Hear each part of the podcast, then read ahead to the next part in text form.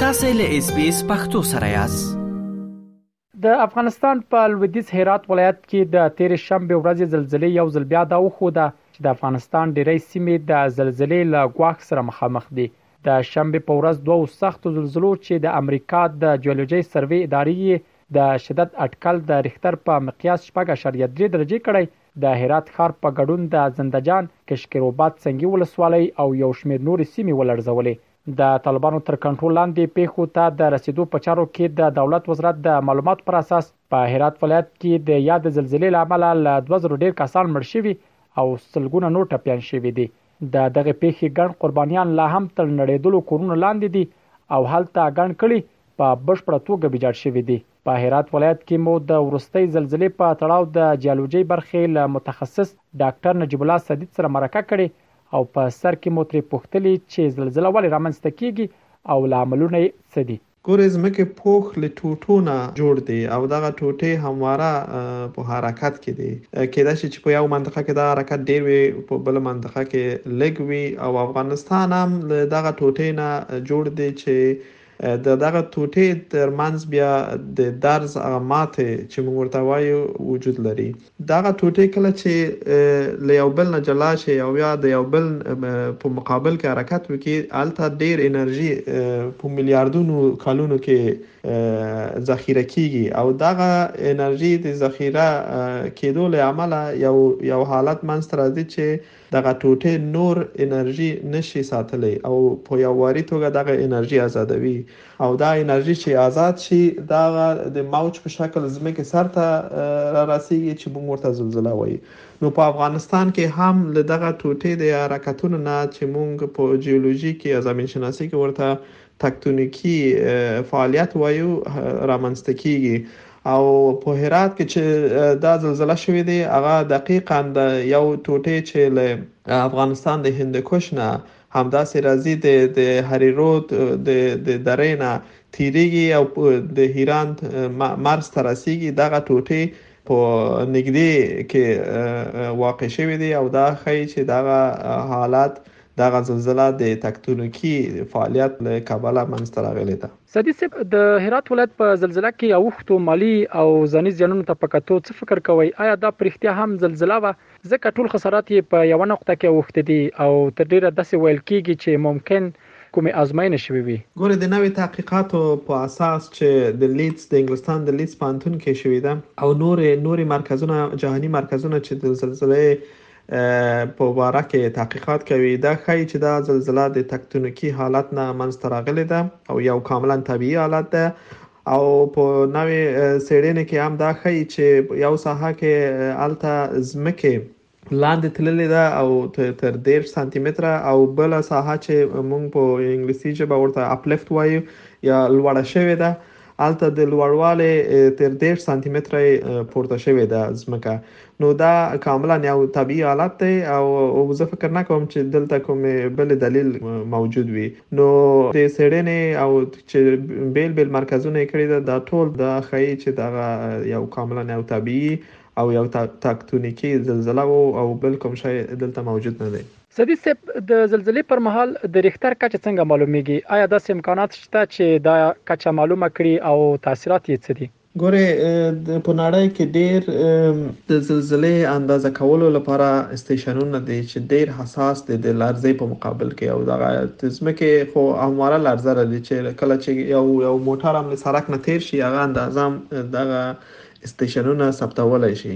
او په افغانستان کې یو استیشن د آلمان د د جیولوژي مرکز لخوا په کابل کې جوړ شوی دی ته جیوفون مرکز په نامه یادېږي الته په کابل پانتون کې ده هغه هم دغه زلزلہ ثبت کړې ده او نور مرکزونه بین المللي مرکزونه هم شته چې په شاوخوا هیوادونو کې د همسایه هیوادونو کې قرار لري چې دغه زلزله ثبت کړې ده او درجه یې معلومه کړې ده نو دا جهاني استیشنونه موجود دي د دې لپاره چې په نړۍ کې داسې حالات داسې زلزلې ثبت کړي سدید صاحب محترم په افغانستان کې د طبي پیښو په تیره د زلزلې پر مهال د زیانونو د مخنیوي حل لارې څه دي تاسو پان ګوري چې زیانونه چې کم کو باید باید موږ دوه کار وکړو یو کار خدا دې چې کورونه مو استاندارد کړو او دا دا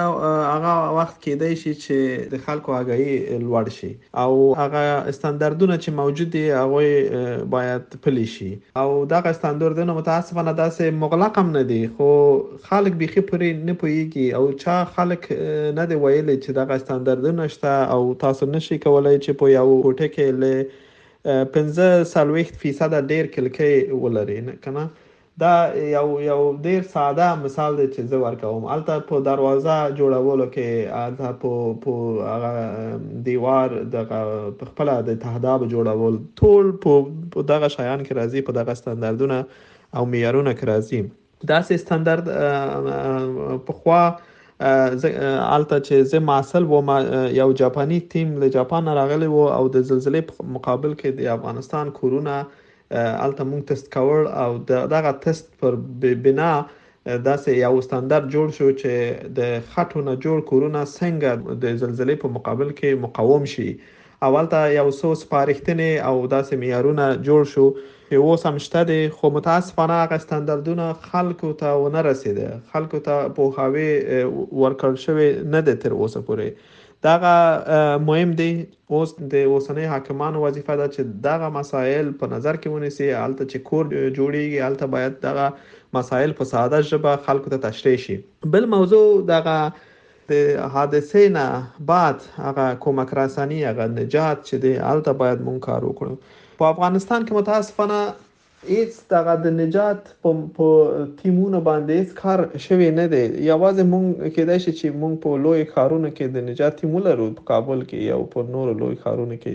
هغه هم په ډیره کوچنی معیار او او په کوچنی تعداد کې مونږ او تاسو باید په هر ولسوالۍ کې د خلکو نه جوړ هغه د خلکو هغه د او طالب خلکو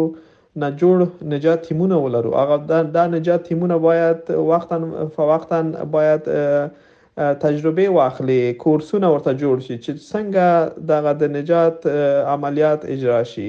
څنګه مونږ کولای شو چې له ټکنالوژي نوې ټکنالوژي نه ګټه واخلو او خلک وپیژنو چې کوم ځای کې څومره خلک ژوند کوي او څومره خلک د اوارو لاندې دی او مونږ څومره وسایل ضرورت لرو دا غا ټول مونږ اړتیا لرو او دا دا معلومات او دا تیمونه باید په د هر ولسوالۍ په په سطح باید جوړ شي اوس تاسو وګورئ په هرات کې زلزله شوې ده متاسفانه نجات تیم هیڅ موجود نه دی هلته خلک ته په تک لاس اخته دی چې خپل فامیل له آوارو لاندې وباسي نو دا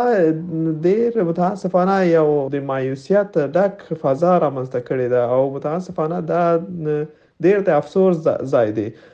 مونږ چې ګورو په نور هیوادونو کې یو مثال درته ورکوم له آلمان نه دی په آلمان کې هر قریه هر منطقه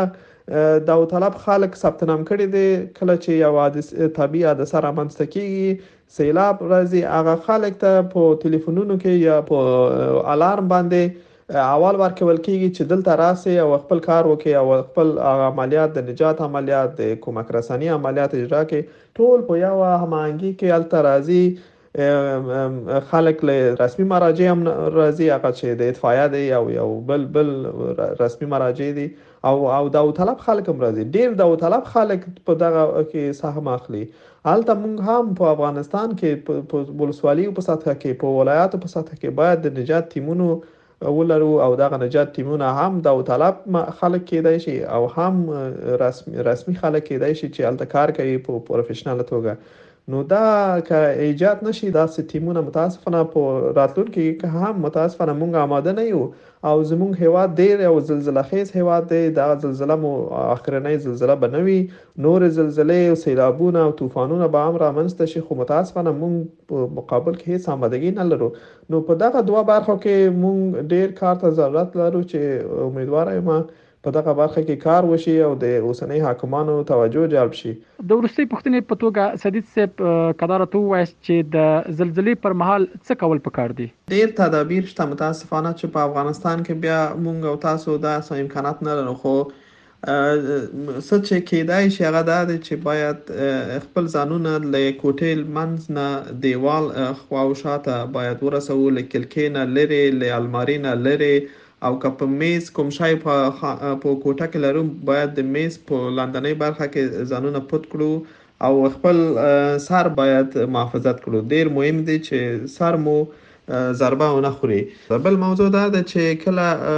زلزله هغه اولنۍ جوپا ختميږي باید ژر تر ژره له کوټې نه ځان وباسو دا ځکه چې کېدای شي چې پسلرزه هغه هغه پسلرزه رامنځته شي او پسلرزه بیا متاسفانه کله چې کوټې په اوله لرزه کې زیانمن شوی وي بیا په دومره لرزه کې هغه بیا بیخي لمنځه ځي او خسارات رامنځته کوي. نو که په کوټه کې برق او دغه ګاز دغه شیان مونږ او تاسو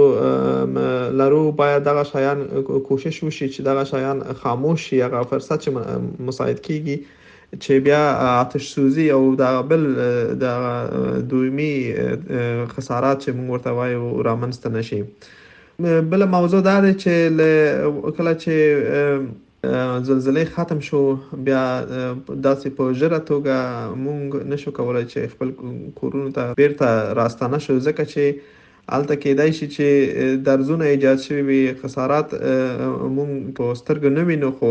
الته درزونه او مشکلات وي چې بیا په یو کوچنی لرزه هم کېدای شي چې چې دا کوټې ولویږي او او نور خسارات رامنځته کی تلفات رامنځ ته کړي نو دا مهمه ده چې باید کوټې ډیر په دقته توګه وڅیړل شي چې هیڅ کوم ایمینی او او مشکل ونه لري بیا بیا مونږ کولای شو چې له غنا استفاده وکړو اس پی اس پختو په فیسبوک کې تا کې پلی مطلب یو فاک کړئ نظر ور کړئ او له نورو سره شریک کړئ